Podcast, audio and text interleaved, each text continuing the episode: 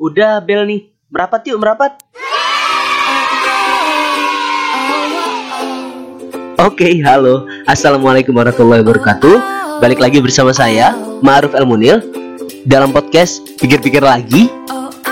Untuk teman-teman yang baru pertama kali gabung di podcast Pikir-pikir lagi, jadi podcast ini adalah podcast yang concern terhadap isu-isu pengembangan diri, isu psikologi dan juga isu-isu kepemudaan. Pada episode kali ini, saya akan mulai membahas tentang merantau. Iya, benar, merantau. Merantau di sini banyak banget ya pertanyaan yang muncul ketika kita harus merantau apa enggak sih? Nah, makanya di sini akan saya bahas merantau sebenarnya apa sih yang dicari? Simak selengkapnya ya. Dan jangan lupa share kalau dirasa bermanfaat. Yuk, langsung aja kita mulai. 3 2 dan 1.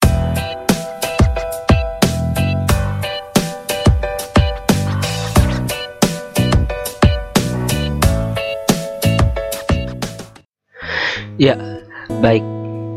Pertama kali mungkin saya pengen ngasih tahu dulu Kenapa saya membahas tentang ini? Karena memang saya rasa merantau ini sudah menjadi bagian dari hidup saya. Kurang lebih hampir setengah dari hidup saya itu isinya merantau. Dalam arti kalau sekarang saya umurnya 22 tahun, saya itu sudah merantau kurang lebih sudah sekitar ini masuk tahun tahun ke-10. Benar. Kurang lebih sudah 10 tahun saya merantau tepatnya ketika saya dulu selesai sekolah dasar gitu selesai SD jadi saya memilih untuk ah ya udahlah ngerantau aja jadi pertanyaan pertamanya kan gini ya oh kok bisa ya orang lulus SD dia mau merantau cukup jauh lagi. Apalagi dulu kan saya di asal itu dari Bontang Lewat Timur terus saya memilih untuk bersekolah di Jakarta. Wah cukup jauh kan tuh? Hmm lumayan itu perjalanannya pokoknya. Tapi yang pengen saya ceritakan adalah sebenarnya keputusannya seperti apa sih kalau dulu? Mungkin kalau kita bicara tentang masa-masa SD itu jelas ya kita mungkin apa ya mungkin kalau saya bilang 80% nya kita akan dipengaruhi oleh orang tua karena apa ya karena mereka yang mungkin sudah merencanakan atau membuatkan jalan untuk kehidupan kita gitu ya kebanyakan seperti itu Nah, dari sana pun begitu. Saya ketika itu diarahkan untuk Groove, kamu mau nggak kalau ke sana aja ke pesantren gitu ya, ke sekolah asrama gitu. Sederhananya ke asrama. Di asrama sana, ya jujur-jujurnya saya ketika itu yang nggak mau-mau banget. Malah ketika itu udah deal-dealan, ya udah deh mau boleh. Asalkan tiga tahun aja ya. Wah itu udah dulu sempet dulu sempet bicara gitu. Jadi pengennya ya udahlah nggak apa-apa ke sana tapi SMP aja. Itu ya ya udah terjadi. Singkat cerita ya saya berangkat ke sana. Ketika di sana pun saya menjadi gimana ya ya saya bilang biasa-biasa aja. Dalam arti saya nggak merasakan hal apa pun. Cuma uniknya saya menemukan kalimat ini tertempel di pesantren saya ketika itu. Apa kata-katanya? Ke sini apa yang kau cari? Kata-kata ini benar-benar menjadi apa ya? Kalau saya bilang menjadi kata-kata sakti. Saya jujur ketika itu yang apa ya?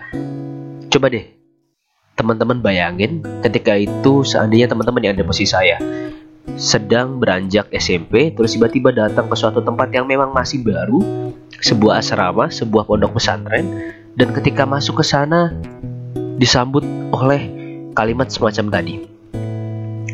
Ke sini apa yang kau cari? Kan sudah otomatis dalam pikiran kita langsung berpikir, ah apa yang dicari ya? Dan faktanya adalah itu sama sekali tidak ada terjawab saat itu juga. Dan jujur-jujurnya, akhirnya apa yang dicari ini hal hal inilah yang saya lakukan ketika saya di SMP selama tiga tahun ya saya mencari sebenarnya apa yang saya cari. Mencari-cari apa yang sebenarnya saya cari. Jadi ada ada sesuatu kebingungan dalam diri saya. Saat itu mikir ya gila nih ke sini apa sih yang dicari nih Apakah cuma nyari ilmu? Apakah cuma nyari temen? Atau apa? Itu yang saat itu hadir dalam pikiran saya. Kemudian setelah lulus, setelah lulus ada sebuah pertanyaan unik yaitu dari ayah saya. Dia berkata, dia bilang gini, Ruf, kamu udah tiga tahun, kamu dapetin apa aja sih selama di Sanawiyah? Sebuah pertanyaan ini menambah sesuatu hal lain.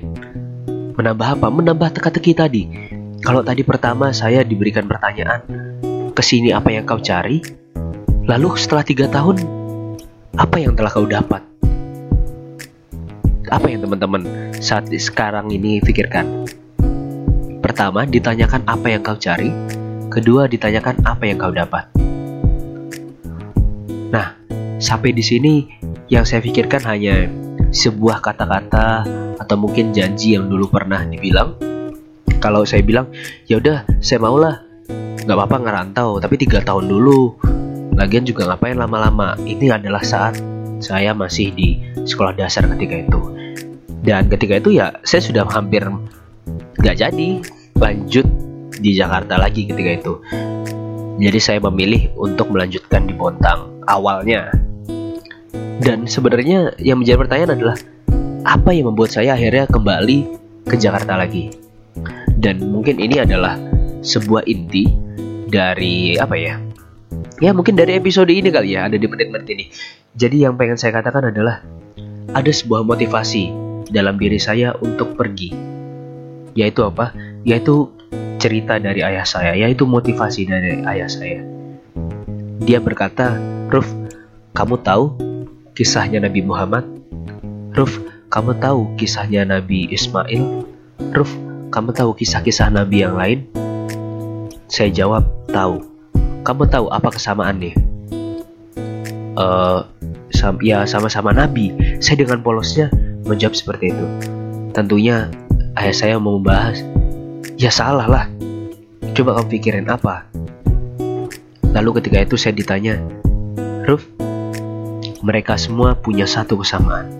Kesamaannya apa? Mereka semua dijauhkan dari orang tuanya. Mereka semua tidak dibesarkan dengan selalu berada di dekat orang tuanya.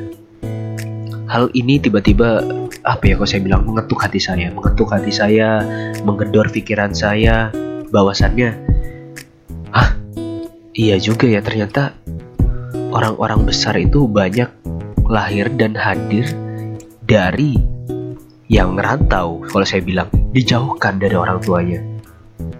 Ini ah, sangat masuk akal. Karena ketika itu juga saya mulai memikirkan beberapa hal lain. Dalam arti saya memikirkan cerita-cerita lain. Mungkin yang teman-teman tahu mungkin seperti Mahatma Gandhi atau mungkin kisah lain seperti mungkin ada Bob Sadino atau mungkin teman-teman yang ngefan lagi dengan siapa mungkin dulu Barack Obama dan lain sebagainya. Coba kita bareng-bareng mengulas berapa banyak kisah-kisah yang berkaitan. Bahwasannya ternyata orang-orang hebat itu pasti setidaknya dia memiliki perjalanan. Dia melakukan perjalanan. Dia melakukan perantauan. Dia melakukan berjauhan dengan orang tuanya. Bukan maksud tujuan apa? Ya tadi pertanyaannya balik yang pertama apa yang dicari tapi ketika sudah berbicara apa yang dicari ini sudah lebih dalam kalau tadi saya hanya berbicara tentang motivasi untuk pergi Nah, tapi nanti deh. Sebelum saya lanjut ke sana, saya pengen nambahin gitu ya. Ada sebuah kalimat lagi yang juga menjadi motivasi saya untuk tetap ngerantau dan ya nggak masalah sih jauh dari orang tua walaupun kangen ya pastilah ada rasa kangen biasa. Tapi itu terasa teratasi lah nggak perlu bukan bukan masalah-masalah yang rumit gitu. Yaitu ada sebuah pepatah yang menyatakan ya pergi aja. Lu ngapain harus takut pergi? Tenang aja. Di saat lu pergi lu harus meninggalkan orang yang tersayang. Tapi yakinlah saat kau pergi akan ada yang menggantikan. Dalam arti begini, kita pas waktu pergi itu kan kita pasti ya meninggalkan sesuatu. entah apa pun itu, entah dalam bentuk apa, tapi itu pasti ada gantinya. Pasti. Walaupun dengan bentuk lain, tapi setidaknya pasti ada gantinya. Dan jujur-jujurnya, saya benar-benar merasakan itu. Oke, saya tidak dekat dengan orang tua. Oke, saya jauh dari orang tua selama 10 tahun. Tapi apa? Saya punya teman yang begitu-begitu baik dengan saya, begitu dekat dengan saya, begitu perhatian dengan saya, dan juga banyak hal lainnya. Mungkin penggantinya sebagai pengalaman yang begitu besar daripada teman-teman yang mungkin hanya di rumah saja, selalu bersama dengan orang tuanya, atau mungkin tidak pernah ke mana-mana. Ya, seperti itu. Itu adalah contoh bagian kecil dari apa yang maksud dari penggantinya. Lalu selanjutnya membahas tentang apa yang dicari. Apa yang dicari? Ya saya cuma bilang kadang-kadang kita suka ya kayak gini ya. Kita mempertanyakan apa yang sebenarnya kita pertanyakan. Kita tidak tahu apa yang sebenarnya kita tahu. Ini sering banget terjadi sih dalam diri kita terutama diri saya sendiri. Termasuk ketika saya menuliskan judul merantau apa yang dicari saya tidak benar-benar tahu apa yang sebenarnya saya cari sekarang yang saya tahu adalah sebuah tujuan sebuah tujuan apa? Kalau saya pribadi memiliki tujuan saat saya merantau, saya harus menjadi orang yang berbeda. Saya harus menjadi orang yang berproses. Berproses dari hari ke hari, minggu ke minggu, bulan ke bulan, dan tahun demi tahun. Mencari apa? Mencari versi terbaik dari diri saya. Saya tidak tahu itu ada di mana, saya tidak tahu bagaimana caranya, tapi yang saya tahu saya harus. Saya harus. Dan ya saya nggak tahu harus ngasih motivasi apa lagi. Ya intinya kalau orang bijak bilang kan saat kita mau ya pasti ada aja jalannya. Kemudian pertanyaan yang terbesar muncul tentunya apa sih yang menjadi alasan untuk merantau? Atau malah pertanyaannya kenapa harus merantau ngapain sih jauh-jauh jalan ke sana kemari, capek-capek jauh dari orang tua, repot-repotin diri aja, harus cari tempat tinggal dan lain sebagainya. Ya, kalau saya pribadi cuma bisa bilang, kamu akan tahu rasanya, kamu akan tahu apa yang kamu dapat setelah kamu merantau. Ya, kamu gak bisa mendapatkan banyak hal itu hanya lewat cerita. Terkadang pengalaman berbicara banyak daripada sekedar kata-kata, daripada sekedar buku, atau mungkin daripada sekedar teori yang tertuliskan, atau mungkin yang pernah teman-teman tahu. Saya cuma main bilang, pergi aja, jangan takut. Bahkan ada sebuah kata-kata bijak lagi yang saya ingat.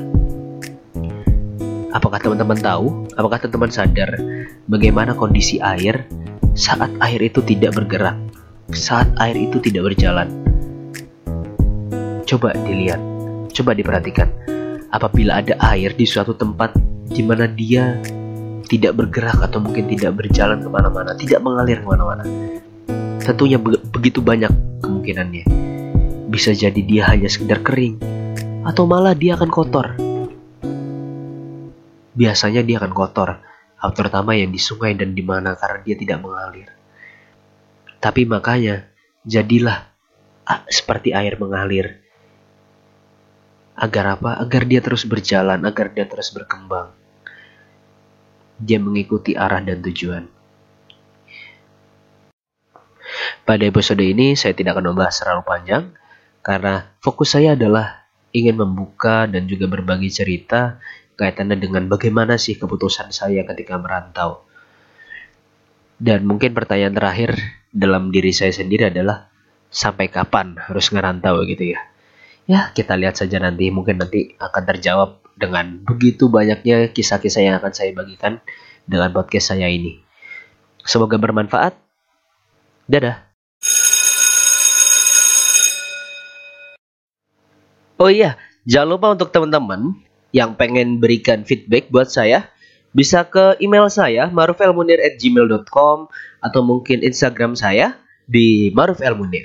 Oke, ditunggu ya. Sampai jumpa di episode selanjutnya dari podcast Pikir-pikir lagi.